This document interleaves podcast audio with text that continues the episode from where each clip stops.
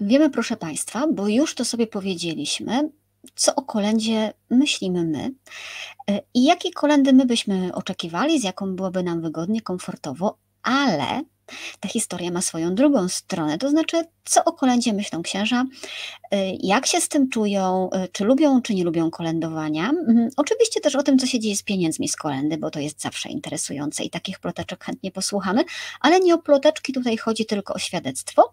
Y, świadectwo będzie jednostkowe i tylu, ilu księży na sali, tylu będzie potrafiło pewnie dopowiedzieć swoje historie, na nie również czekamy, ale dzisiaj, proszę Państwa, o kolędzie i wszystkie trudne pytania, jakie chcą Państwo zadać księdzu. Naszym gościem będzie ksiądz Wojciech Nowicki, redaktor przewodnika katolickiego, ale zanim przywitamy Wojtka, to oczywiście przywitamy najpierw państwa. I lecimy z długą listą. Ania Marzycielka jest pierwsza, i Tomira, mm, i Jagoda, i Agata, i Barbara się melduje, że z Białego Stoku, i Jadwiga, że z Jastrzębia w Zdroju, e, i Ania, Marta, Magda. Ktoś tu się witał, e, Beata pisze, że nie jest po raz pierwszy dzisiaj na żywo, ale po raz pierwszy się ujawnia. Tym bardziej wielkie brawa, proszę Państwa, dla Pani Beaty, Irena, Tadeusz, Anna, Bożena, Michał, e, Anna z Mazowsza i tak lecę, czy jest Facebook, jest już Facebook, Marta, Beata, Małgorzata i Paweł, a Paweł znowu w domu. A Paweł znowu w domu, a pies czeka na spacer. A nie, jest pytanie, że Reksia mi dziurę w drzwiach wydrapie. Jakie to jest dziwne, kiedy człowiek wie, że psa na drugim końcu Polski swoim głosem wytresował do spacerów. To ja, odruch Pawłowa. E, Delila z Inowrocławia. Delila, e, pani jest z Inowrocławia? To jakim cudem my się nie zgadałyśmy wcześniej? No fantastyczne, bo ja szkoły w Wrocławiu kończyłam i bardzo miło wspominam to miasto, chociaż piękne nie jest. E, dziekanów bajkowy również się melduje. Mm, tutaj pani Magdalena w, e, przy wczorajszym lepieniu pierogów nadrobiła zaległe programy. E, Anna, myślałam, że najpierw przywitamy koty, także księdza Wojtka. W takiej kolejności kot księdza Wojtka zamelduje się sam. Moje koty dzisiaj mają trochę inne smaczki, ale bo zapomniałam. E, Antoni melduje się też z pracy, Anna Zawiercia, Kamila z Poznania, e, druga Kamila będzie prasować, a że Marcin zaczyna historie kolędowe, to my też zaczynamy. E, już wpuszczam do nas Wojtka. Dobry wieczór, proszę księdza. Dobry wieczór, pani redaktor. Marcin pisze, z historii kolędowych jako ministrant chodziłem po kolędzie kilka razy z naszym wikariuszem, e, który miał kilka kotów. Na nas żadne psy nie ujadały tak jak na niego. Wojtek, co robiłeś ze zwierzętami? Ja, przepraszam, zaczniemy zupełnie od drugiej strony. Co robisz ze zwierzętami na kolędzie? Każesz je zamykać w łazience? E, witasz się z nimi? Przenosisz sierść z domu do domu? No chyba przenosiłem, bo e, w sumie w zeszłym roku nie chodziłem po kolędzie, więc mogę już mówić w czasie przeszłym, e, ale jak chodziłem po kolędzie, to no, chyba przenosiłem sierść z domu do domu, bo nigdy nie kazałem nikomu zamykać. E, natomiast jak e, zwierzaki były takie duże i groźne, to właściciele sami najczęściej zamykali. Mówili na przykład, że no, zamknęliśmy psa, bo jest no na przykład, nie wiem, nie lubi obcych albo długo się oswaja, nie? Mhm. Natomiast y, no koty często przychodziły i się tam ocierały i łasiły, więc czasami pół kolendy to, to było tak naprawdę zabawa z kotami. Mm, no a potem jak wracałem do domu, to z kolei mój kot y, musiał wszystkie te zapachy, y, że tak powiem, pokryć swoim, więc się ocierał o mnie, żeby zostawić na sobie, na, na mnie swój ślad. No tak, jeśli chodzi o zwierzęta. No przyznam się Państwu, że mój pies reagował bardzo entuzjastycznie na wszystkich gości przychodzących do domu, no, a że był Maltańczykiem, to robił to też bardzo głośno. No i jest faktem, że to mogło być uciążliwe, ale zamknięcie tego psa nic nie dawało, bo on był wtedy podwójnie uciążliwy, to znaczy szczekał i jeszcze drapał w drzwi. I przyznaję, że było mi, nie, było mi dziwnie, kiedy raz ksiądz jakby na dzień dobry kazał tego psa zamknąć w łazience. Ja sobie pomyślałam, kurczę człowieku, jesteś, jesteś gościem, ja się staram, żeby ten pies na ciebie nie skakał, bo się o to staraliśmy, ale on też jest domownikiem. E, Kamila pisze... Mam, mhm. no, mam taką fajną historię, ale to byłem wtedy diakonem, więc nie przyszło mi do głowy jeszcze wtedy, że sam będę miał kota. E, siedzimy sobie tak przy stole, rozmawiamy e, to było albo, to chyba było młode bardzo takie małżeństwo Mm, no i odstawili wodę święconą na drugi stolik, no i tak y, oni siedzieli jakby tyłem do tej akcji, a ja to wszystko widziałem. No i widziałem, jak ten kot, taki potężny ich kot, wszedł na ten stół, no i pił tą wodę, nie? I chlipi, i chlipi, i oni się znaczy ja nic za to nie mówię, no bo co będę mówił, zwracam uwagę, nie? Natomiast y, no, wypił prawie tą wodę do końca i oni w tym momencie zorientowali, proszę księdza, woda święcona i co teraz będzie? A ja mówię, święty kot. Mówię, teraz nie możecie na niego krzyczeć i go bić, bo już jest teraz uświęcony wodą. Mm, proszę Państwa, tutaj e, żartujemy, tak? Jakby ktoś zabłądził z innych miejsc w internetach, to jest żart. Kot się, kot się nie poświęci od wypicia wody święconej. Kamila pisze, u nas ksiądz musiał zawsze płaszcz odkłaczać z jasnej sierści. Ja chyba Państwu opowiadałam rok temu, że słyszałam o księdzu w Warszawie, e, był u mojej koleżanki na kolędzie z własną rolką do sierści, co uważam za bardzo dyplomatyczne, grzeczne i świetne, tak? No bo z jednej strony może się spokojnie bawić ze zwierzętami, z drugiej strony y, nie musi ostentacyjnie mówić ludziom, słuchajcie, pobrudziłem się, dajcie mi coś, a z trzeciej strony, no jednak nie przenosi na sobie sierści do następnego mieszkania, bo w następnym mieszkaniu mogą być na przykład alergicy. No więc to było takie dyplomatyczne rozwiązanie. Z komentarzy widzę, że koty lubią siadać na sutannach i, i habitach. Albo wchodzić pod. Albo wchodzić pod. E, Fotyna zadaje takie ciekawe e, pytanie. Mm, zapytam jeszcze Ciebie, Wojtek, e, o to, co księża, czego księżanie lubią w kolendach, czego lubią w kolędzie, bo po to się spotkaliśmy, ale skoro są pytania, to, to chciałabym za nimi iść. Jak myślisz, jaki sens w ogóle, ja się, ja się też z tym spotkałam, ma chodzenie po kolędzie księdza, który jest albo rezydentem, albo czasem pomaga tylko w tej parafii? Nie jest tam na stałe, jest w zasadzie tylko z doskoku, a proboszcz wyznacza mu dyżury i on chodzi po kolędzie. Myślisz, że to ma sens, jakiś taki duszpasterski i czy jest spełnieniem tego, e, tego punktu z KPK, o którym my mówiliśmy e, tydzień, e, w ostatnim programie? Mhm. Znaczy myślę tak, jeśli to jest ksiądz, który w danej parafii Y, jest znany tym parafianom, to znaczy, no nie wiem, na przykład pomaga na stałe, tak, odprawia w mhm. tygodniu, czy pojawia się w niedzielę, mówi kazania, spowiada i tak dalej, więc nie jest, że tak powiem, wypożyczony raz y, na jakiś czas, mhm. to w jakimś sensie staje się częścią życia tej parafii. Myślę, że jeśli on w jakimś wymiarze idzie po kolędzie, to ja bym nie widział w tym niczego niestosownego. Natomiast y, jeśli są takie sytuacje, a znam, gdzie wypożycza się franciszkanów, prawda, albo oblatów, w ogóle wypożycza się mm, zakonników, którzy nie mają żadnego związku z tą parafią, to znaczy pojawiają się w tej parafii tylko na kolendę, no to mówię nie, bo to jest bez sensu. To znaczy, y, ja znam tylko dwa motywy, dla których się tak robi. Po pierwsze, żeby kolendę jak najszybciej zakończyć, czyli wyruszać dziesięciu księży, dwa tygodnie, trzy tygodnie mamy kolendę z głowy. A drugi motyw to jest y, motyw, który zapowiadałaś w ostatnim programie, czyli kasa. Mhm. E, przepraszam, muszę, Ania Marzycielka pisze, picie wody to nic, mój kot ma manię wyrzucania swoich zabawek do wody. Wyobraziłam sobie, jak w naczyniu z wodą święconą pływa myszka mojego kota. Dlatego wodę święconą, proszę Państwa, się stawia na stole w ostatniej chwili. Ksiądz dzwoni do drzwi, wtedy wstawia, wystawiamy na stół wodę święconą. E, Wojtek, jeszcze rozwiej mity, gdyby ktoś tu zabłądził, bo Państwo pewnie tutaj wiedzą, e, co jeżeli ktoś nie ma w domu wody święconej? E, leje kranówę i udaje, że to święcona? Nie, no to trzeba powiedzieć. Nie, nie mam wody święconej, proszę pobłogosławić, bo właśnie nie poświęcia, pobłogosławić. Tak naprawdę każdy ksiądz y, ma tam y, książeczkę albo taki, taką karteczkę, gdzie taka jest modlitwa, a w ostateczności to wystarczy, że wypowie jakiekolwiek słowo z intencją, żeby ją pobłogosławić i będzie to woda pobłogosławiona, czy jak dawniej nazywaliśmy święcona. Także nie ma problemu. E, Rafał chyba już dzisiaj, w tej chwili wygrał nieogłoszony jeszcze konkurs na najciekawszą kolendę, e, kiedy to ksiądz chodzący po kolędzie pomógł mu wnieść szafę dwudrzwiową do mieszkania, bo akurat Rafał nowe meble dostawał. E, tak, ale możemy sobie taki, taki konkursik ogłosić. Wojtek, powiedz, mm, co ty lubisz w kolędzie? Czy lubiłeś? No, y, cokolwiek?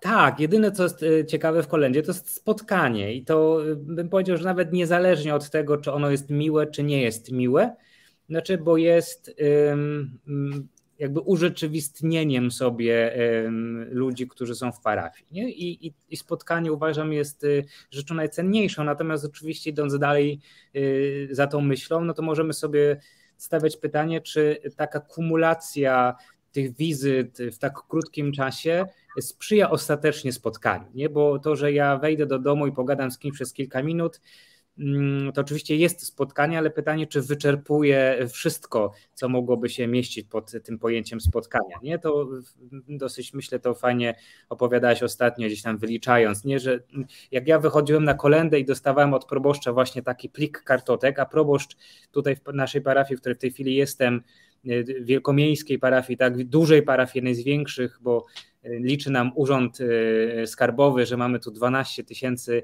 mieszkańców, a budują się po dawnych fabrykach już wyburzonych kolejne osiedla, więc chyba będziemy mieć ze 20 parę tysięcy za chwilę, z czego do kościoła chodzi jakieś 1500-1700, to jest taka skala. Mhm. No to, to, to on mniej więcej już po jakimś czasie miał rozeznanie, więc jak ja dostawałem taki plik kartotek, w których było na przykład 120 kartotek, no to ostatecznie prawdopodobnie 20-30 mniej więcej było możliwe, że, że mnie przyjmie, ale trochę tak jak ty mówiłaś ostatnio, cały problem polegał na tym, że ja nie wiedziałem, czy na pewno mnie te 20-30 przyjmie, czy nie. W związku z tym gdzieś tam na początku no, nie rozsiadywałem się za bardzo, żeby no, nie zajść na przykład o 22 do tych mhm. ostatnich, żeby ich też jakby mieć tutaj szacunek do nich, nie? No ale bywało tak, że y, właśnie tych 15 mnie przyjął od początku, a potem długo, długo, długo nic. Siedziałem na klatce, scrollowałem internet, Facebooka czy coś, albo czytałem sobie jakieś tam ciekawe artykuły, albo tam coś innego robiłem. Nawet rozmawiałem raz przez telefon, a nawet kiedyś miałem taką myśl, żeby nie wrócić czasem do tego mieszkania, z tego właśnie wyszedłem. Ale tak sobie pomyślałem, że to mimo wszystko jest no głupie, nie? No bo pożegnałem się i co, a wróciłbym, a może już by byli w innej sytuacji, więc może byłoby w ogóle niezręcznie. Mm, no więc y, spotkanie tak, natomiast chyba forma tego spotkania pozostawała dużo do, y, do, do życzenia i ja przyznam szczerze, że w ogólnym rozrachunku to nigdy nie lubiłem kolendy, ani jako jej uczestnik y, świecki, mm, kiedy przychodził ksiądz do nas do domu, bo wydawało mi się to tylko takim że on wejdzie, wyjdzie i cały dzień się czekało na te 5 minut, że on wejdzie, wyjdzie, a jeszcze wiedzieliśmy, że zostawił u nas kurtkę, bo byliśmy zawsze na parterze, więc zostawiał, potem szedł do góry, potem schodził na dół. E, no, ani, ani też jakoś nie, nie bardzo to czułem chodząc sam, e, choć oczywiście mam bardzo wiele bardzo ciekawych, pięknych historii i tak dalej. I, I, jeszcze jak jestem przy głosie, to tak e, powiem a propos też tego komentarza, który który Damian Wyszkiewicz, y, tak dobrze powiedziałem nazwisko, nie? Mhm. Y, y, też u ciebie podał na, na, na tym live ostatnio, że on też wielu takich spotkał, z którymi się zaprzyjaźnił i tak dalej. Jakby wszystko ma rację. Dokładnie to samo moglibyśmy dzisiaj powiedzieć o katechezie w szkole. Ja też mam doświadczenie bardzo krótkie, bo uczyłem tylko dwa lata, rok jako diakon i rok jako neoprezbiter i mam doświadczenie naprawdę mega ciekawych rozmów, których prawdopodobnie nigdy by nie było, gdybym nie był nauczycielem w szkole. Co nie zmienia mojej krytycznej ogólnie oceny y, obecności w takim kształcie, w jakim jest y, religii w szkole. Więc rozróżniamy dwie rzeczy: naszego, nasze doświadczenie, a pewne rozwiązanie systemowe jako takie. Ja nie znam księdza, przyznam szczerze, nie znam księdza, który by powiedział, że lubi kolendę. To też dużo mówi. I to nie wynika wcale z lenistwa księży, czy z tego, że mi się nie chce. Tylko ta forma w tym czasie, to nagromadzenie przy pozostawieniu wszystkich obowiązków. Nie? Bo gdybyśmy mieli zawieszone na te dwa miesiące czy miesiąc i wtedy mogli sobie chodzić od rana do wieczora, to może jeszcze, ale w takim mieście. Tak sobie myślę, czy usłyszałam kiedykolwiek od jakiegoś księdza, o, jak fajnie, Boże Narodzenie i wreszcie kolenda. Nie, nie? tego nie powiedział nigdy żaden ksiądz, przynajmniej ja takiego nie spotkałam. Jeżeli są tacy księże na sali, to proszę o ujawnienie się, bo wiem, że księże nas słuchają. No tacy, którzy się nie mogą doczekać kolendy. Tak, którzy by powiedzieli, ale super, pójdę do moich parafian, nie? Mhm. Natomiast ja w ciągu roku u parafian naszych byłem wielokrotnie. Spotkałem się z nimi i to są bardzo fajne spotkania i często czekam na taką możliwość i chwilę, żeby móc się z nimi spotkać. No ale to ma inny wymiar w ogóle, nie? No dobra Wojtek, ale powiedz, jeżeli, jeżeli mamy kolendę w takim wymiarze, w jakim mamy, e, w tej chwili nie możemy jej zmienić. Niektórzy mają to szczęście, że kolenda jest na zaproszenie, więc jest szansa, że ksiądz będzie miał nie 7,5, ale 15 czy 20 minut. E, czy jest jakiś patent, jak rozmawiać z księdzem, żeby nie było drętwo? Mhm. Wiesz, y, zastanawiałem się nad tym, jeden z księży, młodych księży, młodszych ode mnie z naszej diecezji, wrzucił ostatnio taką, taką myśl też, że on y, nie będzie chodził po kolędzie w komży, z kropidłem, z kartoteką, bo mówi, no jeśli to ma być faktycznie spotkanie, no to on nie może iść tam jakoś urzędowo, tak, jakby to była wizytacja w domu parafian, mhm. a, nie, a nie spotkanie czy poznanie ich, no więc mówi, jestem gościem, który został zaproszony. W związku z tym idę tak, jakbym poszedł normalnie. To znaczy, no w sutannie, w koloradce, tak, ale tak y, po prostu, nie? Mhm. I może to nie jest y, y, głupi pomysł. Znaczy, ja przyznam, że nigdy do, do, do, jakby do momentu przeczytania tego postu nie pomyślałem sobie o tym, że samo moje pojawienie się w tej komży, w stule, z tym kropidłem, nie? Że wszystko to tworzy jakąś taką może barierę, taki dystans, że znaczy, że to się poznaje, znaczy, czy to się da rzeczywiście przeżyć jako spotkanie e, takie bardzo osobiste, rodzinne hmm. spotkanie, e, nieurzędowe, nie? Okej, okay, tylko czy my jako e, świeccy, czy jako gospodarze możemy zrobić coś, żeby przełamać tę urzędowość? Rozumiesz, w którym, w jakich domach czujesz się tak dobrze, że, że czuję, że to nie jest drętwa atmosfera. Czy jest jakiś klucz do tego? Rozumiesz? Nie wiem, y, to może być coś y, zewnętrznego, na co nie mamy wpływu, że nie wiem, że jest zwierzę, dziecko, że mhm. masz o, o co zahaczyć temat, czy że ktoś ci zada jakieś pytanie, czy, czy że widzisz, że ktoś jest zestresowany, a uśmiechnięty. Rozumiesz, jak my możemy sprawić, żeby mhm. ksiądz się poczuł dobrze wchodząc do naszego domu, bo ja też rozumiem, że no że kurczę, to jest krępujące. Jak wchodzimy do cudzego domu, to, to dla tak. każdego z nas to jest krępujące, więc podejrzewam, że dla was też. Tak, oczywiście. Znaczy, ja, ja przychodzę jako gość wtedy, nie? Czyli nie jestem, że tak powiem, na swoim terenie i to jest, o, może tak, jak szukamy plusów kolendy, to jest jeden z zasadniczych plusów kolendy. Nie, bo kiedy człowiek przychodzi do księdza, do parafii, do kościoła, do biura, czy kancelarii, jak się mówi w innych częściach y, Polski parafialnej, to to ksiądz jest jakby no, u siebie, tak? Czyli y, człowiek przychodzi jak mhm. petent, nie? I wiesz, nie jest u siebie, więc on się czuje niepewnie. A tu się role odwracają i to ma swój duży plus. To znaczy uważam, że y, gospodarz powinien się czuć absolutnie swobodnie, bo jest u siebie. Y, I myślę, że im będzie bardziej, znaczy swobodnie to oczywiście no, w, w, ramach też tego, na czym polega zaproszenie gościa, nie? To znaczy jakiś tam powiedzmy Mm, strój czy coś, no taki powinien być e, no też na podjęcie gościa, nie? Bo zdarzyło mi się, że ktoś mi otworzył w gaciach, przepraszam za kolokwializm, ale no zdarzyło mi się, ale nie wiedział też, że idzie kolenda, nie? A chodziłem chyba bez ministranta wtedy, albo zgubili mi się ministranci, bo klatki tutaj na Jeżycach to też jest y, tajemnica, jak się tu poruszać. No i ktoś mi otworzył w tych majtasach, nie? Więc było takie, y, a ja mówię, a ty w komrze i z kropidłem. w komrze i z kropidłem, no właśnie, więc jest takie wow, nie? Aczkolwiek to są sytuacje mm, początkowo y, krępujące, ale z tych najczęściej się rozwija całkiem ciekawa rozmowa.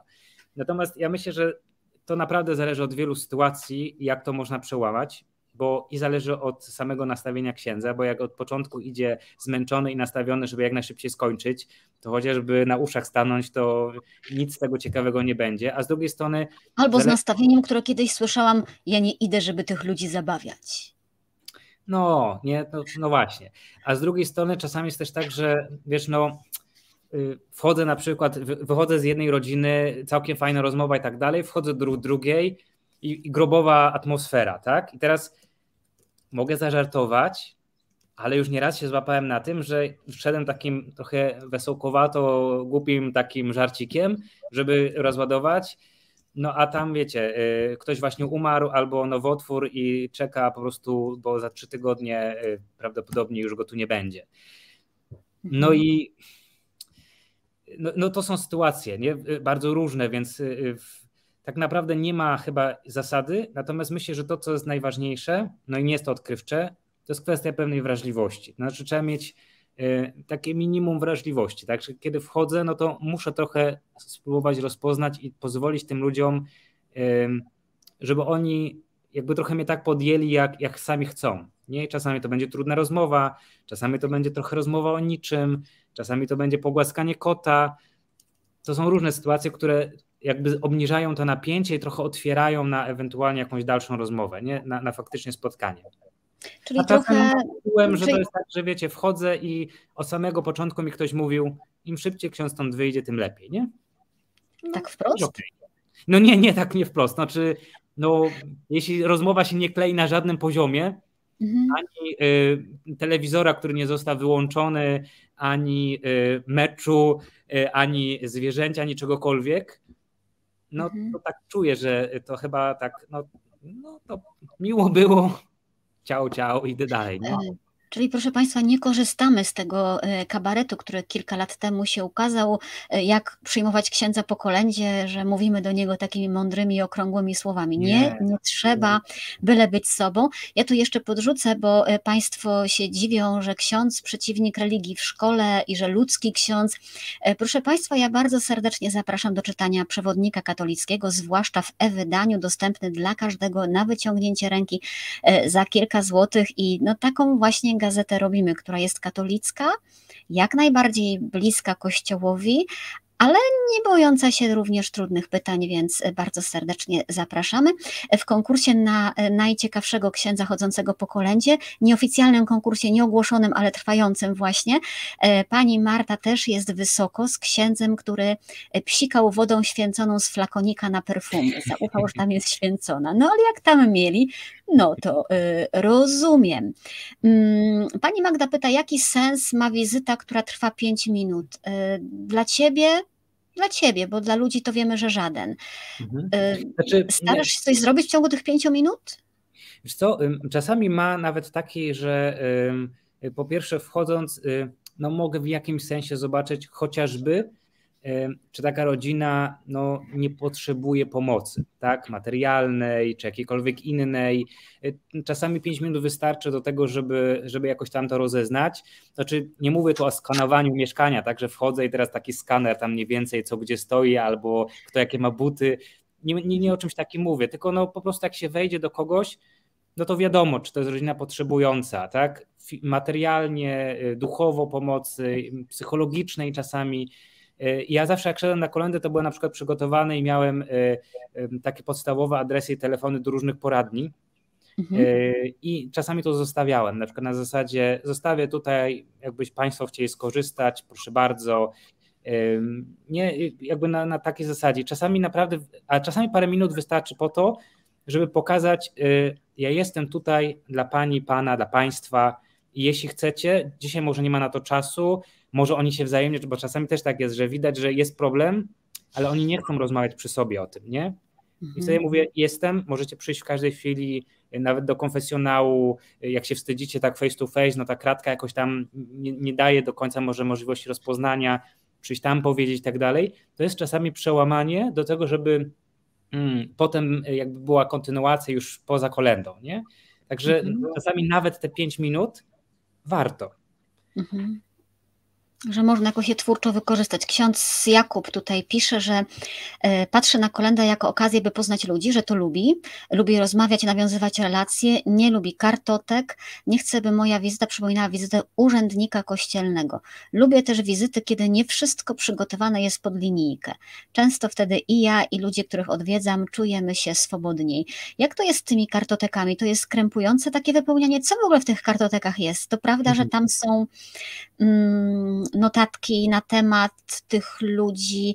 E, ja teraz bym nie chciała, żeby to brzmiało jak inwigilacja i zbieranie danych, ale ja mam wrażenie, że na przykład księża w parafii zapisywali sobie, gdzie kawę albo obiad dostają. To tak mm -hmm. u nas dawniej, w czasach, kiedy ja byłam dziewczynką. Wpisuje mm -hmm. tam się coś jeszcze oprócz danych? Muszę powiedzieć, że rzeczywiście na podstawie kartotek można byłoby w ogóle, y, czy tego, czego się zapisywało, jak to się zmieniało, to można by nawet całkiem niezłą jakąś pracę naukową napisać. Y, y, te kartoteki, które ja miałem najczęściej, one były już nowsze, to znaczy stare kartoteki były zarchiwizowane. To też specyfika trochę naszej parafii, że to jest duża zmienność mieszkańców, w związku z tym dosyć mm. często tak naprawdę one się zmieniają. Ale były też takie naprawdę z dawien dawna i faktycznie kiedyś notowano bardzo wiele informacji, czyli na przykład y, nawet wpisywano y, na przykład kwoty, jeśli chodzi o y, daninę decyzjalną, tak? Czyli, że na przykład danina decyzjalna była i na przykład taka kwota. Albo no, wpisywano tam jakieś uwagi, no, takie nieraz nawet szczegółowe dotyczące, czyli zachowań i tak dalej. Natomiast mm, nawet czasami można było z tego wywnioskować, na przykład, czy wynikało to bardziej z pewnej troski, tak? Czyli ktoś tam zanotował, że taka jest sytuacja, chociażby po to, żeby na przykład za rok ktoś o to samo nie zapytał. Nie to zwłaszcza dotyczyło, dzisiaj byśmy powiedzieli, związków nieregularnych, tak? No bo jak rok w rok ktoś pyta, a państwo bez ślubu, tak? No to wiecie, więc ja na przykład, jak już widziałem, że ktoś tam zanotował, że no jest to, nie wiem, konkubina, tak, czy brak ślubu, tam przeszkoda i tak dalej, nieraz było nawet napisane, że P, czyli przeszkoda. No to ja nie będę się pytał, czy ustała przeszkoda i tak dalej, no bo prawdopodobnie nie ustała przeszkoda. Więc ja na przykład pytałem wtedy w takim bardzo ogólnym, czy coś się w Państwa sytuacji rodzinnej zmieniło od zeszłego roku?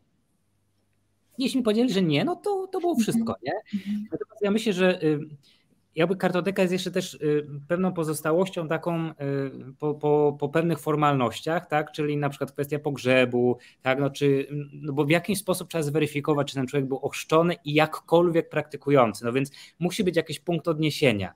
No i tym punktem odniesienia trochę była kolenda, czy tego typu różne rzeczy, czy ewentualnie właśnie, no nie wiem, danina. Tak, ja wiem, że to brzmi może tak y, bardzo teraz formalnie, ale w dużych parafiach jak ta, gdzie jest nie 12 tysięcy, naprawdę ten proboszcz nie jest w stanie znać tych 12 tysięcy, więc musi mieć jakieś minimum y, odniesienia. To nie znaczy, że ktoś nie dostał pogrzebu, jeśli tam ta kartoteka była pusta, tak? Mhm. Tylko jest jakiś punkt wyjścia do rozmowy. Natomiast ja dzisiaj na przykład widzę, że naprawdę tam się uzupełnia dzisiaj takie niezbędne minimum. Tak naprawdę to po prostu wypełniamy, kto jest i mniej więcej mm, jak jest, nie wiem, status społeczny, powiedzmy, czy potrzeby danej, danej rodziny, czy osób mieszkających, głównie po to, żebyśmy potem w pracy duszpasterskiej mniej więcej wiedzieli, jakby znowu używając trochę takiego języka powiedzmy marketingowego, dostosować ofertę duszpasterską, tak?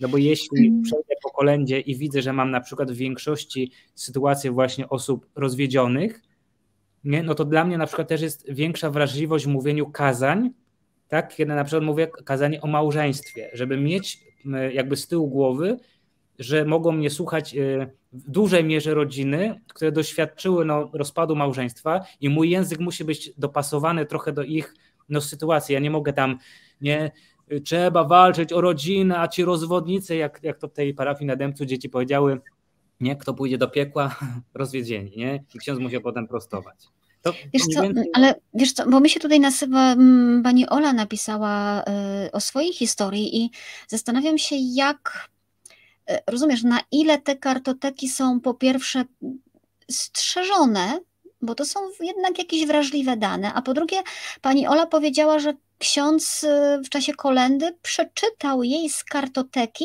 to, co zanotował o niej poprzednik, a on zanotował to, co ona mu mówiła w jakimś zaufaniu. Rozumiesz? Mhm. Więc jakby mam wrażenie, że tu jest jakieś przekroczenie granic dyskrecji, no bo te kartoteki znaczy powinny mm. służyć raczej formalnym sprawom, jeżeli już, a nie a nie tematom rozmów, zwłaszcza jeżeli one są tak, takie znaczy, wrażliwe.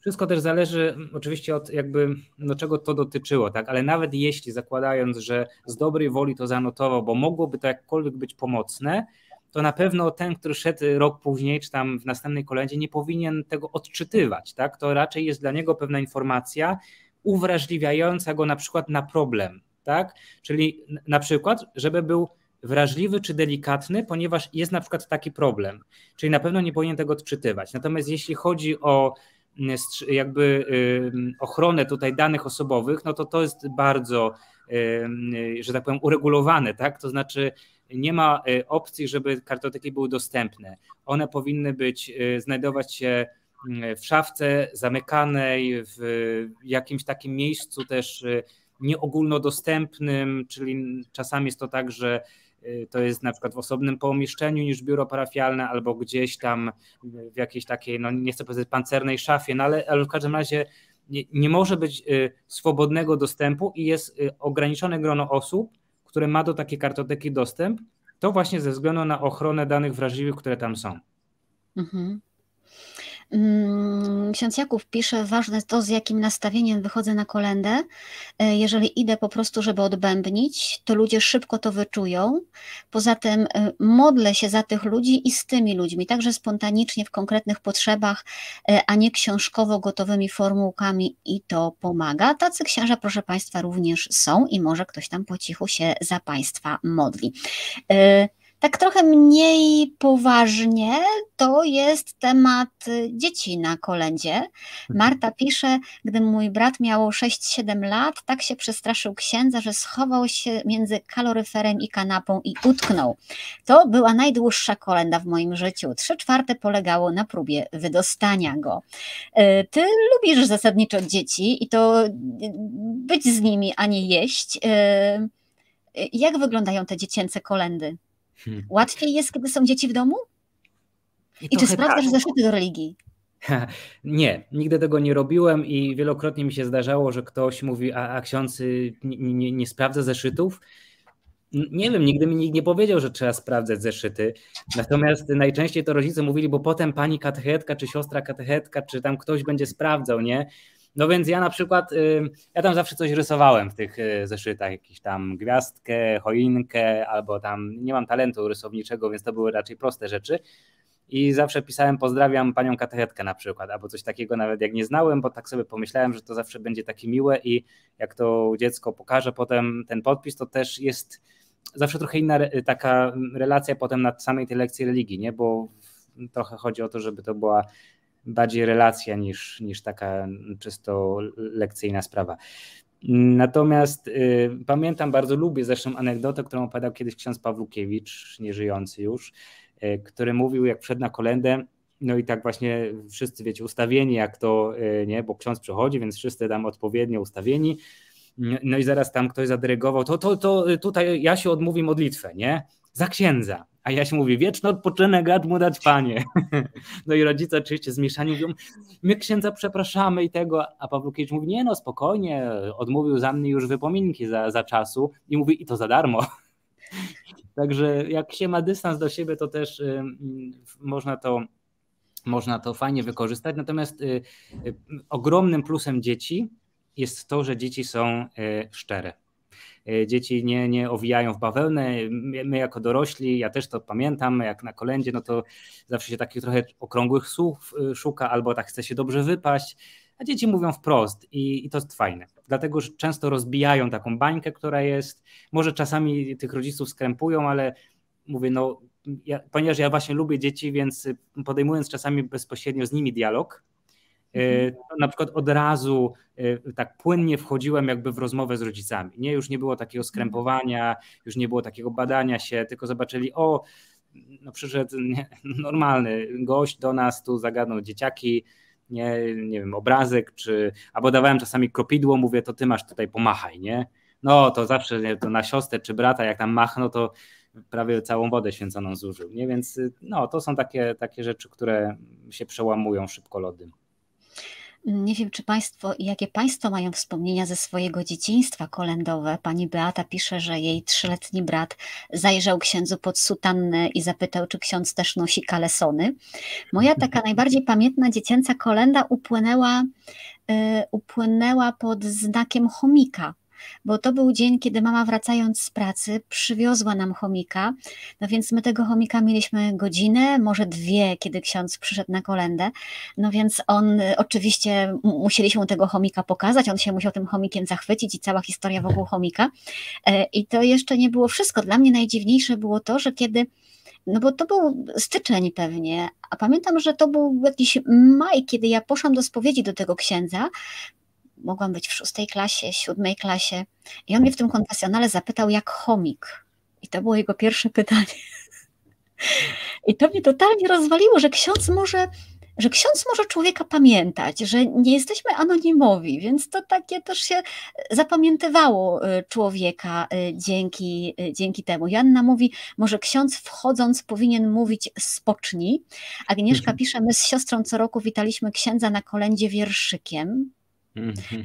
Małgorzata lat 30 temu proboszcz zapytał, jak synowie się chowają, na co jeden z nich odpowiedział, ale my się wcale nie chowamy. Więc to tak wygląda. Jeżeli chodzi o moje zeszyty z religii, to pamiętam w moim nie, w zeszycie mojego brata ksiądz kolendujący pozdrawiał y, księdza katechetę, zwracając się do niego, przepraszam, bydgoszczanie zrozumieją, luju ze Szwederowa. Więc tak bardzo swojsko było. I to jednych może oburzać, ale innym pokazuje, że ksiądz też człowiek, że oni mają relacje, że się czują ze sobą bezpiecznie. Mm, I to jest fajne. Pamiętam, Maria pisze, pamiętam jak moja wnuczka miała wtedy 4 lata, znudzona dość długim czekaniem na księdza, zawołała: No niech ten księżyc przyjedzie. Mm, dobra, to są dzieci. Jeszcze Bartek pisze. E, już tu nie, nie nadążę. Wertowanie zeszytu. Dobra, Państwo sobie przeczytają kolenda, komentarz Pana Bartka. Mm, Wojtek, a powiedz, bo jak teraz byłam parę dni w Warszawie, e, to spotkałam się też z ojcem Lechem Dorobczyńskim e, i on mi opowiadał właśnie kolendowo o tym, że mm, kiedyś był tym przyjmującym kolendę. To znaczy, był akurat u swojej siostry jako gość i całkiem niespodziewanie na dodatek przyszedł ksiądz. Oni nie wiedzieli, nie byli przygotowani. I mówi, że nawet on, jako ksiądz, y, czuł takie napięcie dziwne, czyli to, co my czujemy zwykle, tak? bo on tego nigdy nie czuł. Y, no, musiał odpowiedzieć na pytanie, a ten pan kim jest? A ten pan, a ja jestem proboszczem z Warszawy, tak? E, spotykałeś się z takimi e, nietypowymi gośćmi gdzieś przypadkiem na kolędzie?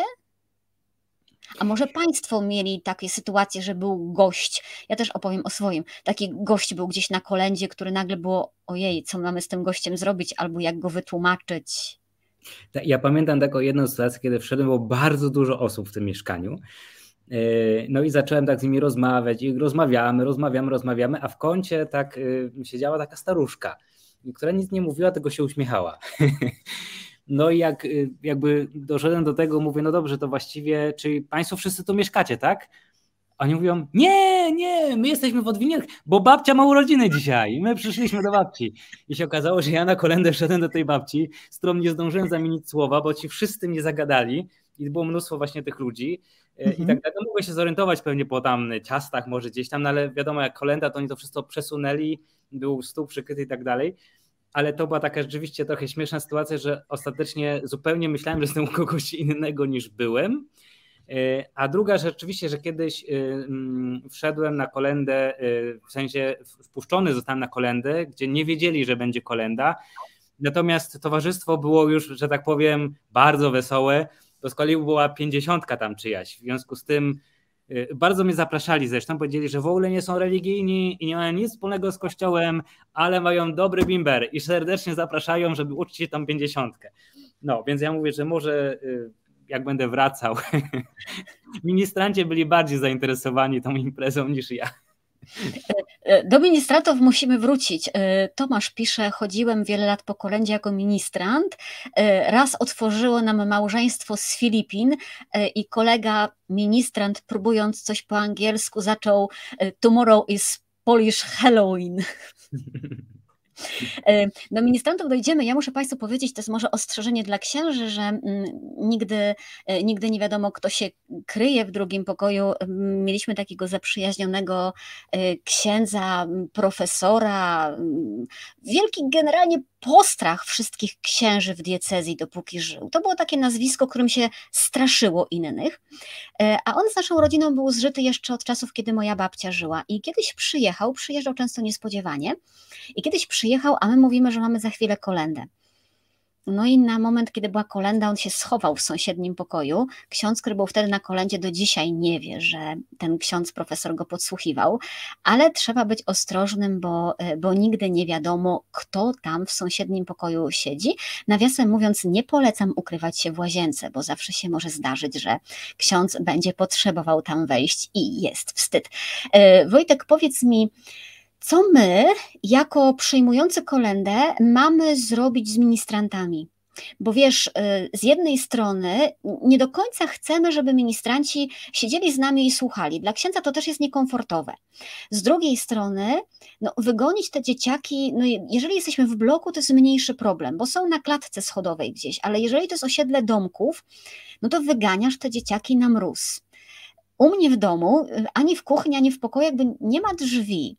Y, jak, rozumiesz, myślę, że wielu z nas staje przy takim pytaniu, jak tych ministrantów traktować. Ja, dla mnie jest taka kultowa opowieść mojego brata, który wiele lat chodził na kolendę y, i on w pewnym momencie był tak głodny na tej kolendzie, no nie zabierali kanapek ze sobą, że on do dzisiaj wspomina, ma 40 parę lat, jak na oknie w jednym domu rosła rzeżucha i on ją skubał i wyjadał, był tak głodny. Co z ministrantami? Wolisz chodzić sam, wolisz chodzić z nimi y, i jak my ich mamy traktować? Znaczy, nie, z zasady nie powinni ministranci uczestniczyć w tej rozmowie, no bo ona ma jakiś tam charakter też poufny. Y, no chyba, że gospodarze sami powiedzą, żeby zostali, no ale to wtedy jakby z góry zakładają, że no pewnie jakichś tam drażliwych tematów czy trudnych poruszać się nie będzie. Mhm. Natomiast z zasady powinno być tak, że oni jak wyjdą, no to idą do następnego domu, żeby tam już kolędować, nie? Y, I myślę, że najlepiej, kiedy oni w tamtym następnym domu po prostu pozostają, dając w jakimś sensie y, zewnętrzny znak księdzu, że w tym następnym domu są. I u nas była taka zasada, że była to wstążka albo kokardka, którą zawieszano na klamce, jak ministranci byli wewnątrz w tym domu. To znaczy, to rozwiązanie ma dwa plusy. Po pierwsze, że oni jak wejdą i pokolendują, no to nie muszą wychodzić i czekać mhm. na klatce czy na dworze, tylko jak ja idę, no to wiem, że tam, tam są. A drugi jest taki, że no, czasami to poszukiwanie następnego mieszkania, do którego można wejść, mm, trwało. W związku z tym, i to nie było tak, że się szło zaraz do następnego mieszkania. W związku z tym to też był dla mnie taki no, prosty znak, że ja sobie idąc y, albo po klatce, albo od domu do domu, no gdzieś tam mniej więcej spoglądałem, gdzie gdzie ta wstążeczka jest i, i, i, to było też jakieś ułatwienie. Więc myślę, że to jest chyba taki model optymalny, to znaczy że nie tyle, żeby zostawali w tym samym domu w drugim pokoju, co po prostu poszli do następnego mieszkania, zaśpiewali kolendę i tam po prostu czekali na księdza, nie? Wtedy są cieple. Znaczy, wiesz, tylko że to jest też taka e, trudna sytuacja dla gospodarzy, kiedy mm, no, przychodzą dzieci do twojego domu i siedzą i czekają na księdza. I co ty masz? Zabawiać ich rozmową, zostawić ich samych? Jedni potrafią z dziećmi rozmawiać, inni nie. Czy ci ministranci się czują skrępowani, czy się nie czują skrępowani? Rozmawiacie o tym? Y, wiesz co, no, jak chodzili ministranci, ja miałem zawsze takich y, ciut, znaczy zasada była zawsze tak, starszy i młodszy, czyli taki mhm. bardziej rozgarnięty, ewentualnie taki właśnie młody, który nie zawsze może się odnajdywał w każdej sytuacji. Więc y, no, generalnie po stronie tego starszego było. Ja znam takie sytuacje, w których miałem takiego ministranta kiedyś, znaczy on właściwie, no to ja już nie musiałbym tam kolędować, nie? On się o wszystko wypytał, łącznie o zarobki, i ono wszystko, po prostu jak ja wchodziłem, to on prawie, że relacjonował mi po prostu wszystko o tej rodzinie, nie? Więc czasami były takie sytuacje i to warto też mieć na to jakąś zmiankę i po prostu się tam nie, nie denerwować takim y, ciekawskim instantem, tylko go tak y, no, delikatnie, że tak powiem, sprowadzić na ziemię, nie? Natomiast, y, ale byli przeróżni. Też spotkałem się z czymś takim, że wszedłem do domu, a ministrant się tarzał z psem po ziemi, na przykład w tej komrze, nie? No więc są przeróżne sytuacje. Oczywiście one czasami będą krępujące i zdarzały się też takie, że ktoś prosił, żeby ministranci wyszli czekali na zewnątrz, nie? No i... Mhm. Y, no, pani Maria pisze, że zawsze pyta ministrantów, czy chcą kompotu albo soku, kawałek ciasta, najczęściej chcą. Y, ja też oprócz tego kawałka ciasta, to jednak zawsze mam w gar- jakieś kupione jakiegoś sneakersa czy coś w momencie, kiedy oni muszą szybko wyjść, żeby dostali coś do kieszeni. Y, I to naprawdę nie jest kwestia jakiejś łapówki, czy, czy zamiast tego tam paru groszy, które dostają, ale, ale naprawdę to jest z myślą, właśnie pamiętając tego mojego wygłodzonego brata, to ja dzisiaj, do dzisiaj tym ministrantom daje. Pani Beata opowiada, jak to jeden z księży zatrzasnął się w łazience i spędził tam 10 minut, bo rodzina nie zauważyła, tak była pochłonięta przygotowaniem y, posiłku. Po co w ogóle ci ministranci, Wojtek, są? Łatwiej ci z nimi chodzić, że oni pukają pierwsi? Nie łatwiej byłoby bez nich w ogóle? No, przy założeniu na przykład takiej kolendy na zaproszenie, to rzeczywiście ci ministranci w pewnym sensie nie są do końca potrzebni, tak? E, mogą być, ale jakby nie, nie muszą być. Natomiast e, jeśli idziemy jednak tak trochę od domu do domu, no to to znacznie usprawnia cały proces, nie? To rzeczywiście bez nich to mm, to chyba nie wiem, czy byłbym w stanie się wyrobić, e, biorąc pod uwagę właśnie taką jedną, pamiętam kolendę, tam ja miałem, to było, powiedziałem to na początku, 120 mieszkań i to było w takim jakby zamkniętym trochę osiedlu, to było tak, że w jednej klatce e, szedłem od dołu, zacząłem kolendę o 16 i pierwszy dom, który mnie przyjął, był o 17.15. Czyli godzinę 15 chodziliśmy i szukaliśmy domu, który nas przyjmie. To zobaczcie, jaka to strata czasu, nie? Godzina 15. Mhm.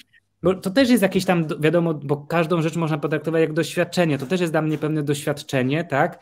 Y, no, bycia nieprzyjętym. No, tak jak Pan Jezus też miał doświadczenie, że nie wszędzie go wpuszczali, a gdzie niegdzie no, wręcz mówili, że tam jak szedł do Jerozolimy, to absolutnie nie ma wstępu. I to też jest dobre doświadczenie w tym sensie, że żeby y, urzeczywistnić sobie, tak, że ja tu nie jestem księciem, nie, na którego wszyscy teraz czekają i on po prostu będzie chodził i zbierał laury, tak? Wszyscy będą mieli brawo, mówić wierszyki. No tak, ale wiesz, y, tutaj pani Małgorzata zauważa słusznie, że nie wie, czy w obecnym czasie jest dobrze, że ministranci idą przed księdzem, bo to oni y, mogą zbierać część gromów, a to są jednak dzieci. Tak, i był taki moment, w którym ja szedłem razem z ministrantami. Mhm. To znaczy, Właśnie dlatego. Tak, po kilku takich bardzo nieprzyjemnych uwagach, e, które mhm. oni usłyszeli, łącznie z tym, e, z pytaniem, czy e, po kolędzie ksiądz ich zabiera do domu i zaglądają mu pod sutannę, łącznie z takimi, gdzie ci ministranci, którzy szli, podejrzewam, że w ogóle nie wiedzieli, o co tym ludziom chodzi, tak? takim mhm. pytaniem. Natomiast no, było to ewidentnie sugerowanie, że ksiądz jest po prostu pedofilem. Tak? Więc to wiesz, dla mnie, same takie, dla mnie same takie teksty są już jakimś rodzajem molestowania seksualnego dziecka, tak? Znaczy dzieci nie powinny tego słyszeć. No nie powinny, nie? Dlatego to, to mhm. jest to, co tu pani Magda, tak? Z, z, z, z uwagę, tak, to rzeczywiście to jest dzisiaj problem. Ja miałem taką, pamiętam też sytuację mm, y, związaną y, z, że ksiądz, jak ja byłem, y, nie byłem księdzem, tak? Czyli y, ksiądz wyszedł od nas, no i oczywiście zapomnieliśmy mu dać koperty, w związku z tym ja z siostrą zostaliśmy wysłani.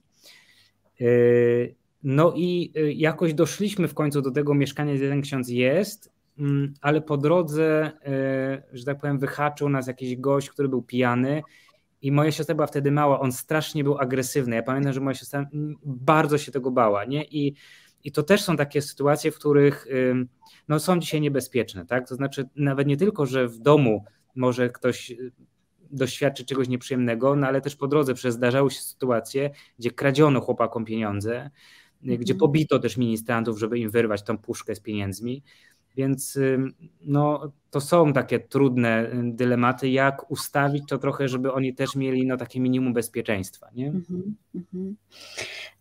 Padło magiczne słowo koperty. Ja zapowiadałam, że o tym porozmawiamy. Zaraz porozmawiamy, tylko jeszcze mnie pan Tomek zainspirował, e, bo pisze, że jako ministranci woleli wyjść z mieszkania i poczekać na zewnątrz, bo wtedy był czas na rozmowy i wygłupy, a w mieszkaniach trzeba się było pilnować. Ja mam wrażenie, że gdybyśmy zrobili tu program dla byłych ministrantów, żeby opowiedzieli o swoich kolendowych przygodach, e, to też miałoby szansę być przebojem internetowym. Mm, mój brat, znowuż się odwołam, pamiętam jego opowieści dziecięce przecież. Kolendowe to najciekawsze były kolendy na wsiach. A jak te wsie były bogate, to już w ogóle tam się działo, bo oni mieli po pierwsze różne rozrywki, które ludzie im udostępniali, mm, ale czasem rozrywką było po prostu, y, były po prostu stodoła pełna y, słomy i wtedy ta słoma była wszędzie, łącznie z tym, że w skarpetkach, w koszulkach, wymieszana z pieniędzmi, ale to były najlepsze kolendy. No nikt się nie spodziewał, że dziecko może z kolendy wrócić w takim stanie, ale można. Już przeglądam szybko komentarze. Mm, Anna pyta, czy jeżeli nie widzę potrzeby rozmawiania z księdzem z parafii u mnie w domu, czy mogę zaprosić na kolendę konkretnego księdza, z którym chciałbym porozmawiać? To chyba zależy od parafii, czy daje taką możliwość. Można próbować, nie? Można próbować. My w tej chwili mamy kolendę tylko na zapisy. Jest taki y, albo formularz internetowy, no on jest y, tak z naszej perspektywy pewnie najlepszy, bo podaje tam jakieś takie, takie uporządkowanie, ale też można wrzucić, e, taki proboszcz przygotował takie informatory na Advent i tam jest też e, do wycięcia, że tak powiem, taka, takie zgłoszenie. E, tam są uwagi. No i w tych uwagach można podać, co się chce. Najczęściej ludzie podają na przykład mniej więcej dyspozycyjność, na przykład, że w tym czasie ich nie ma, w sensie na przykład, nie wiem, są na feriach, tak, albo w takich godzinach pracują, więc proszą po takiej godzinie. A czasami jest wskazanie, że bardzo by nam zależało, żeby przyszedł ten konkretny ksiądz. Mhm. Czy proboszcz spełni te pragnienia, to ja nie wiem, ale, yy, ale można je wyrazić, no po to są uwagi. Mhm. Mm, no to widzę, że niektórzy nie znają w ogóle sytuacji, kiedy księdzu towarzyszyliby ministranci. U nas są zawsze, chociaż teraz ostatnio już tylko jeden, chociaż myślę, że jeden to jest mało bezpieczne. Dobra, yy, koperty, bo idziemy, tak mniej więcej się zbliżamy do końca. Kopertowe historie słyszałam różne. Najdziwniejsza, chyba dla mnie najbardziej szokująca, to znaczy ja wiem, że jestem trochę obyta y, z księżmi, więc gdybym nie miała pieniędzy, to po prostu bym nie dała koperty. Y, a wiem, że się zdarza, że ludzie dają kopertę, w której jest na przykład wycięty kawałek gazety wielkości banknotu, żeby nie było widać na pierwszy rzut oka, że, mm, że, to, że ta koperta jest pusta. Mm, ale ty samo mówisz, że goniłeś y, księdza. U mnie w domu to po prostu był zwyczaj, to była tradycja, że zawsze gonimy księdza z pieniędzmi i wielu ludziom to się zdarza. Na co idą te pieniądze, Wojtek? Mhm. Ja jeszcze powiem jedną rzecz. Pamiętam z dzieciństwa, y, to chyba jest już nieaktualne przy dzisiejszych cenach i sądzę, że to jest niemożliwe, ale kiedyś y, zdarzało się, że ksiądz po kolędzie zmieniał samochód co roku była wymiana samochodów, ale to były lata wczesne 90. mniej więcej. Na co te pieniądze idą? Czy one są wszystkie dla ciebie, idącego po kolędzie? Dla ciebie czy Nie. dla innego księdza? A propos, y, a propos zmiany samochodu, to ja pamiętam, jak kiedyś starsi księża mówili, że jeśli już zmieniasz samochód, to przy zmianie parafii y, co nie jest takie głupie. Natomiast y, jeśli chodzi o, o, o te pieniądze, to myślę, że tak, po pierwsze warto znać y, trochę historię i to jest w ogóle bardzo ciekawa sprawa, ponieważ y, kwestia y, dawania koperty księdzu przy okazji kolendy wcale nie wyszła od kościoła instytucjonalnego, to znaczy jakby od księdza, mhm. tylko wyszła od wiernych świeckich, ponieważ musielibyśmy się cofnąć do czasów, w których księża nie uczyli w szkole i właściwie poza tak naprawdę pracą jakby czysto duszpasterską, nie mieli y, funduszy, tak? Znaczy na przykład taki proboszcz no, funkcjonował sobie gdzieś tam na wsi, miał jakieś oczywiście pole, często wieś na przykład, czy mieszkańcy wsi pracowali na tym gospodarstwie księdza, to było pewnego rodzaju jego też przychód, y, jego też wkład w utrzymywanie tej wioski i tak dalej.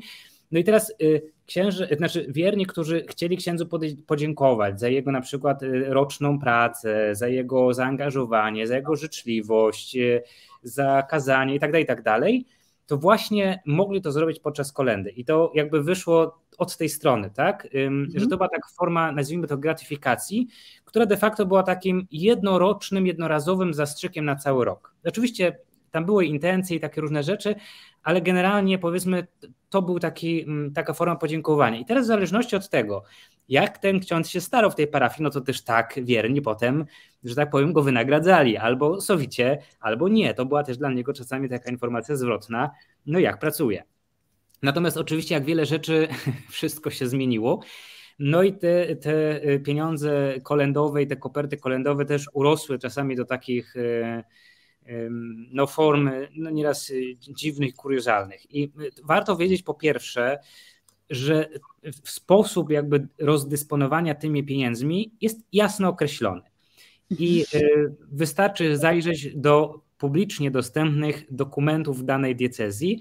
Na przykład w diecezji poznańskiej są to statuty archidiecezji poznańskiej i tam jest bardzo wyraźnie określone, w jaki sposób następuje podział pieniędzy. I to jest w zależności od tego, czy po pierwsze parafia jest jednoosobowa, czy jest proboszcz z wikariuszem, czy idzie ktoś jeszcze, czy y, jest to duża parafia, czy mała parafia, to w zależności od tego tam są pewne niuanse. Zasadniczo jak idzie proboszcz, to podział jest najprostszy. Połowę pieniędzy, które otrzymuje przeznacza do kasy parafialnej i najczęściej proboszczowie też mówią, że na przykład pieniądze uzbierane w czasie kolendy na przykład pójdą nie wiem, na jakiś remont, na jakąś renowację czy coś. Połowa tej kwoty musi pójść do parafii czy do, na pieniądze parafialne, druga połowa może on sobie zostawić. W przypadku, w którym idzie ktoś inny niż proboszcz, na przykład ja, jako e, rezydent w parafii, dzielę taką kwotę na trzy części. Jedną trzecią oddaję do parafii, jedną trzecią oddaję proboszczowi, i jedną mhm. trzecią mogę zachować dla siebie. Dokładnie taki jest podział. Czyli jedna trzecia ze wszystkich uzbieranych pieniędzy jest moim prywatnym przychodem. Dlaczego oddaję jedną trzecią proboszczowi?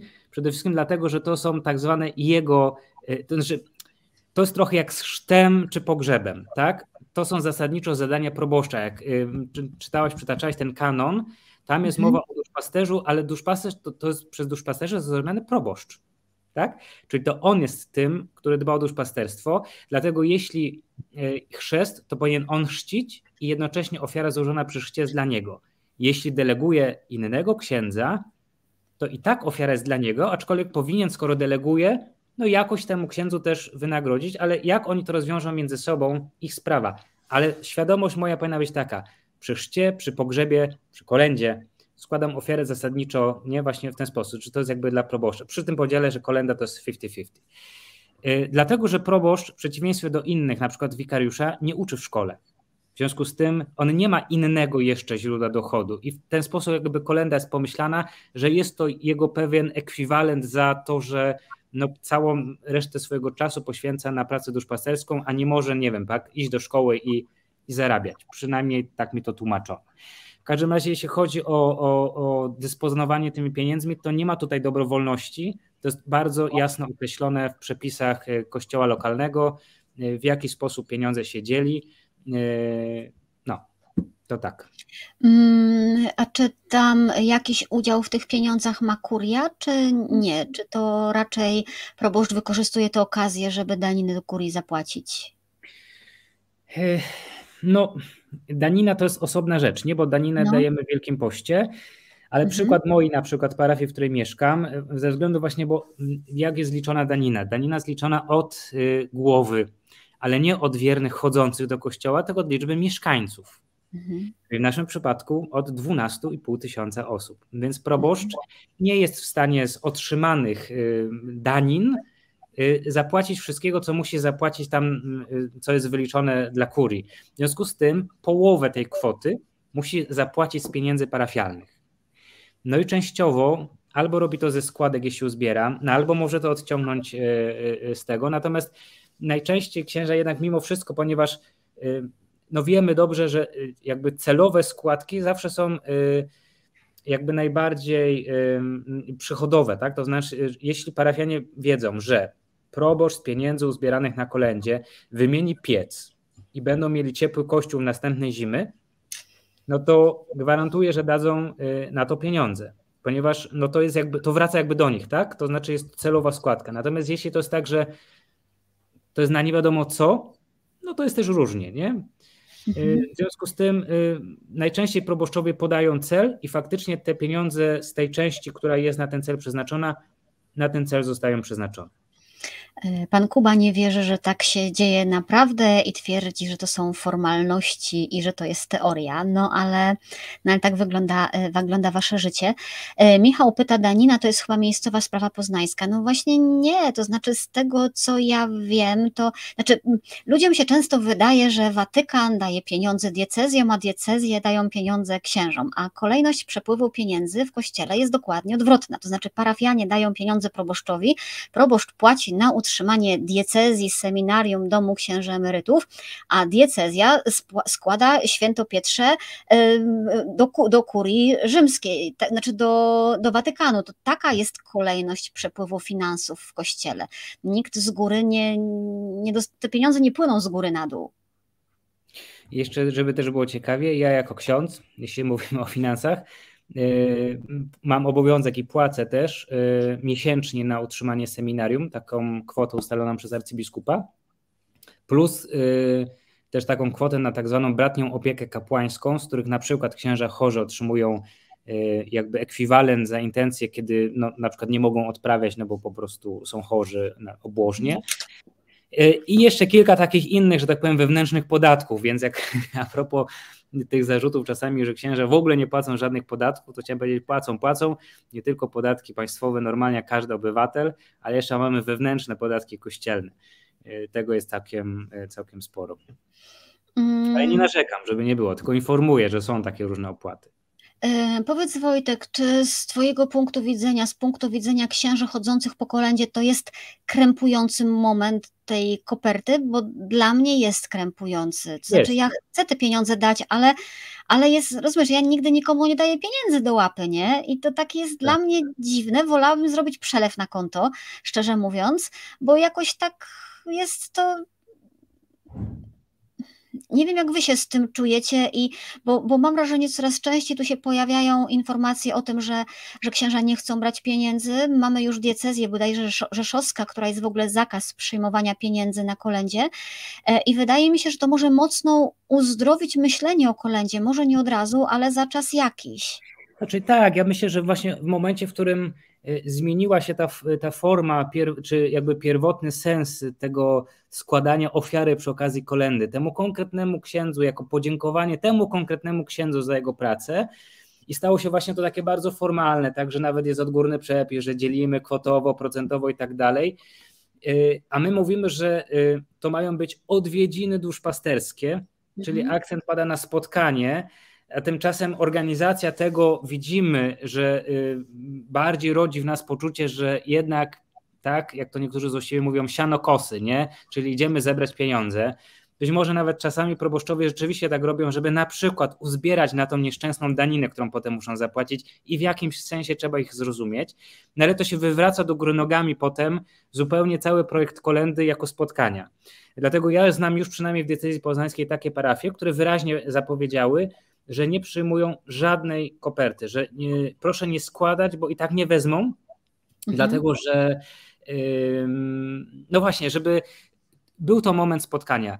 Ja przyznam, że może raz, może dwa razy spotkałem się z taką sytuacją, że moja koperta była pusta, ale przyznam, że y, ja nie zakładałem, że ktoś dał mi pusto, bo krępował się nie dać wcale. Mhm. Być może po prostu przygotował kopertę w zamieszaniu całym, nie włożył tam pieniędzy. To jest zupełnie bardzo możliwe. Y, bo ja nieraz też, y, jak chciałem coś komuś dać i tak dalej, to na przykład się zagadałem, ktoś wyszedł i ja zapomniałem, że miałem mu tam coś dać i, i no po prostu szedłem potem przy jakiejś okazji albo podpisałem i wrzuciłem to skarbony i tak dalej, więc jakby to można w ten sposób. Ja myślę, że odsuwanie jakby tego typu rzeczy, czyli właśnie przelew, czy wrzucenie y, do specjalnej skarbony w kościele i to jeszcze najlepiej, jak to nie będą y, o Monika, pozdrawiam, ona studiowała ze mną teologię, ale ją miło wspominam. Y, I ja byłam przy tym, jak Monika po raz pierwszy spotkała swojego męża. O! Górę. Dobra. Zazdroszczę mu. Pozdrawiam też Dominika Dubiela, który nas z Rzymu tutaj ogląda. Y, ale myślisz, Wojtek, że to będzie trend, że za 10-15 lat y, księża nie będą zbierać pieniędzy na kolędzie? Y, ja myślę, że nie będzie kolendy w takiej formie, jaką ją znamy bo zanim przyszła pandemia i zanim się to wszystko zaczęło tak dziać, jak dzieje, to dawno już wśród księży, powiedzmy bardziej takich zaangażowanych osób, poszukiwanie nowej formy kolendy już było, takie bym powiedział, dosyć intensywne. Więc y, my, ci, którzy, ja się trochę tak śmieję, że my jednak mamy naprawdę dużo w Polsce tradycjonalistów, wbrew pozorom. To znaczy ludzi, którzy bronią tradycyjnej formy, nie? I trochę jak z tą katechezą w szkole, nie? Zachowajmy ją, bo, bo, nie? A tu trzeba powiedzieć sobie, ok, ona, y, ta, ta forma się zmienia i będzie się zmieniać, bo my się też zmieniamy. I zobacz, powiedziałeś ostatnio w programie, ja uważam, że to jest jedna z takich mm, może niuans, ale kluczowych rzeczy, że y, startujemy z tą kolejną coraz później. Ja pamiętam z dzieciństwa, że nieraz kolenda o 14 się zaczynała. A dzisiaj nikt nie zacznie o 14, bo przecież ludzie kończą pracę nieraz 18, 19, więc my opóźniamy kolendę, ale jednocześnie, no przecież nie będziemy chodzili po nocach. A też to pamiętam z dzieciństwa, że ksiądz przychodził przed północą. Tak? Mhm. Więc czas na kolendę nam się skurczył, bo y, funkcjonowanie nasze jest zupełnie inne. Dlatego y, zmiana formy tej kolendy Y, ona się będzie musiała dokonać po to, żeby zachować istotę. To znaczy, że jest to wymiar duszpasterski, czyli spotkania z parafianami, z tymi, którzy chcą pozwolić się księdzu poznać. Bo ci, którzy jakby są na peryferiach, tak, to jest kwestia ewangelizacji, to my się dosyć klarownie mówiłaś w ostatnim programie. Natomiast tu mamy kwestię duszpasterską. Dlatego ja na przykład mówiłem tutaj do proboszcza, że proponowałbym na przykład takie duszpasterskie wtorki. Tak? I wtedy na przykład cały wtorek proboszcz ma do dyspozycji na spotkania z parafianami. Tak? I może sobie do jednych pójść na śniadanko, na przykład do emerytów, którzy rano lubią wstać i sobie pójdzie do nich na śniadanko, posiedzi, pogada ze spokojem i tak dalej. Do innych może pójść na kawę, do innych może pójść na obiad. Albo bez, tak, żeby nie było, że będzie obiadał wdowy, bo to już w, w dziejach apostolskich, że święty Paweł już groził palcem, żeby nie obiadać wdów. No, ale, ale myślę, że y, i wtedy daje to taki spokój faktycznie, że można pójść, można się spotkać, można porozmawiać, nie ma jakiegoś ograniczenia czasowego, nie trzeba się spieszyć i tak dalej, i tak dalej. I myślę, że to będzie, to będzie nie i wypełnieniem obowiązku y, kanonicznego, ale będzie przede wszystkim y, tym, o co chodzi, to znaczy, żeby jak najbardziej budować wspólnotę, to znaczy ludzi, którzy nie są tylko z przypadku i, i tak numeratywnie w kościele, tylko są dlatego, że naprawdę tworzą wspólnotę. To znaczy są ludźmi, którzy się znają, chcą się razem modlić, nie? E, myślę, że Kuba ciekawie zauważa, że te wizyty, gdyby ksiądz żył normalnie z ludźmi e, i miał z nimi relacje, to wizyty duszpasterskie by były, ale one byłyby skutkiem tych zbudowanych relacji, a nie jakąś trochę rozpaczliwą próbą ich nawiązania e, w sytuacji, która absolutnie nie sprzyja nawiązaniu jakiejkolwiek relacji, w sytuacji sztucznej, wymuszonej, niezręcznej i ograniczonej czasem. Bo, bo sięgamy trochę do takiej mentalności, która została mocno zakażeniona przez Sobór Trydencki, który chcąc porządkować pewne rzeczy, no, wytworzył na długie lata też taką właśnie mentalność, bo na przykład obowiązek rezydencji, nie? Y, czyli że biskup y, tak musi być na terenie swojej decyzji, czy proboszcz ma być na terenie swojej, wiecie, to jest nakaz, że proboszcz ma mieszkać na terenie swojej parafii. Ale wynika on z tego, że kiedyś tak nie było, że proboszczowie, bo to się wiązało z tym, y, mm, z dobrami, z ziemiami i tak dalej, to nieraz taki proboszcz chciał być proboszczem pięciu, sześciu parafii, czy biskup był biskupem trzech, czterech decyzji, w ogóle tam nie był w tych decyzjach, więc nakazano, żeby tam siedział, żeby wizytował tą decyzję. Dlaczego? Żeby znał księży, czyli nakazano mu pewnych rzeczy, no bo żeby wyrugować y, y, tą patologię, która była. No ale z czasem powstała inna patologia, tak? I my się dzisiaj znowu z tym mierzymy i musimy wrócić trochę do, do tego, co jest istotą i to, co pan Kuba, tak? O, powiedział, jest dokładnie tak. My powinniśmy wrócić do modelu, w którym żyjemy razem, i potem takie spotkanie jest skutkiem, a nie wynika z nakazu. Bo jak ty powiedziałeś, nie, pamiętam w tym pierwszym programie, mówi Monika, która mówi o wypełnianiu prawa kanonicznego, z tak pomyślałem, to nie jest Monika w ogóle, nie? Ona to mówi o jakimś wypełnieniu prawa kanonicznego.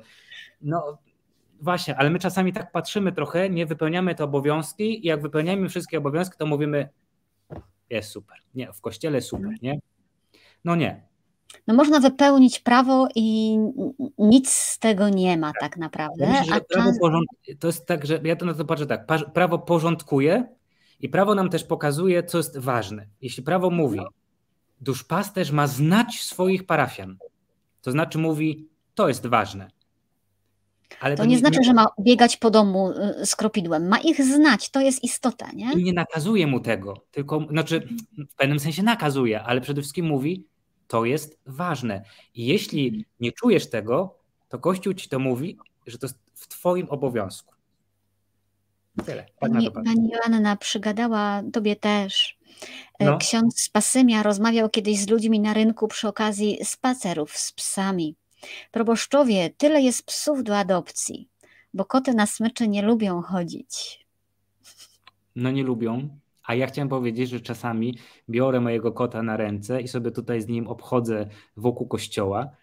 On się wtedy wbija pazurami we mnie, bo, bo się oddala od domu, jest trochę zdezorientowany. Mm, Ale już miałem kilka takich fajnych rozmów, jak mnie zobaczyli ludzie z, z kotem. No. No bo właśnie to jest to, nie? że jeżeli mamy y, coś jednego, jakiś motyw zahaczenia, taki ludzki motyw, kiedy pokazujemy ludzką twarz po obu stronach tego dialogu, to jest o czym, o czym rozmawiać. Proszę Państwa, e, pytania mogłyby się nie kończyć, ale program się kończy i tak już sporo przekroczyliśmy naszą zwyczajową godzinę. E, Bardzo Państwu dziękuję za, e, za obecność, bardzo Tobie Wojtku dziękuję. Jeszcze będziemy do księdza Wojtka obecności wracać i go tutaj zapraszać, więc, więc spokojnie spotkamy się.